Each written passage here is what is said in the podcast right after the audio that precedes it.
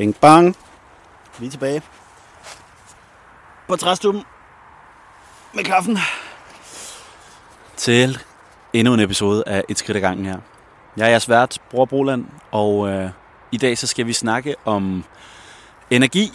Vi skal snakke om øh, 100% princippet, som er et princip og en måde at tænke overskud og energi på. Og det, det går ud på, det er egentlig bare, at vi har kun en fast mængde energi at give af. Vi har ligesom ikke øh, uendelige ressourcer, vi kan trække på. Og det er, det er lidt grundtanken i, i det her 100% princip. Så tanken går ligesom ud på, at vi har kun 100% at give af på daglig basis. Og øh, så skal vi finde ud af, hvad vi bruger de 100% på. Men det, at vi har 100%, det gør også, at hvis vi kører med 120% i en periode, så vil vi også blive nødt til i perioden efter det at kun køre med 80%. Og hvis vi kører 150% i en periode, jamen så vil vi også have en periode der efterfølgende, hvor vi kun kan køre 50%. Og det kan være en fornuftig måde at tænke i forhold til arbejdsbyrde og, og indsats, og særligt i forhold til, i forhold til øh, stressniveauer. Hvis, øh, hvis man kan mærke, at, at man er et sted i livet, hvor at, at der er virkelig meget run på, og hvor der sker mange ting, jamen øh, så planlæg, at øh, når den periode ligesom er overstået, så prøv at se, om man kan få en, en periode, hvor der sker en lille smule mindre, for ligesom at, at kompensere lidt for, for de procenter, man har været i overtræk, så at sige.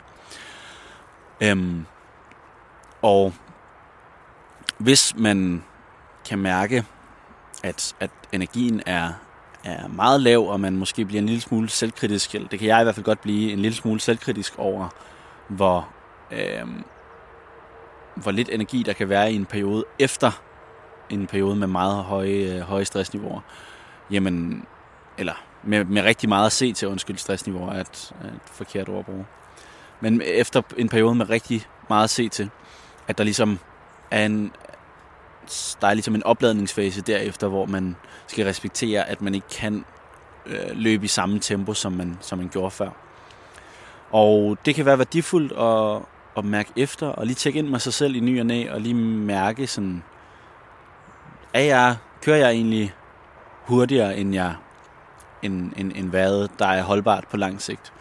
Og selvfølgelig så, så kan man optimere sine processer og prøve at, at gøre det og gøre det øh, og gøre at at ens 100% bliver hvad skal vi sige hurtigere på sigt, hvis vi fortsætter bilmetaforen. Øhm, men det er bare vigtigt, at vi er opmærksom på ikke at, at brænde lyset begge ender ved at over længere perioder køre plus 100, 100%. Øhm, ellers så skal vi i hvert fald regne med, at så får vi en tilsvarende lang periode, hvor vi har mindre end 100%. Så øhm, det, er, det er ligesom øh, 100% princippet. Og du kan også forestille dig det som, øh, som en øh, spillemaskine. Og stay with me her. Øh, en spillemaskine, hvor at du forestiller dig din energi som, som chatonger.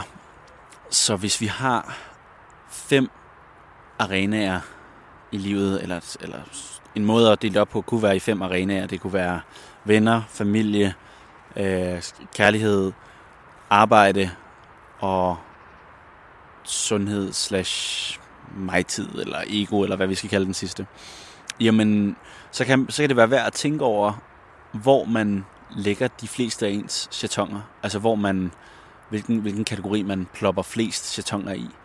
Og hvis du vil lave en lille øvelse med det, jamen så prøv at forestille dig, øh, tegn, tegn nogle cirkler med, med de her fem arenaer, og så læg chatongerne, øh, de fiktive chatonger, eller, eller hvis du har et pokersæt, så kan du bruge det.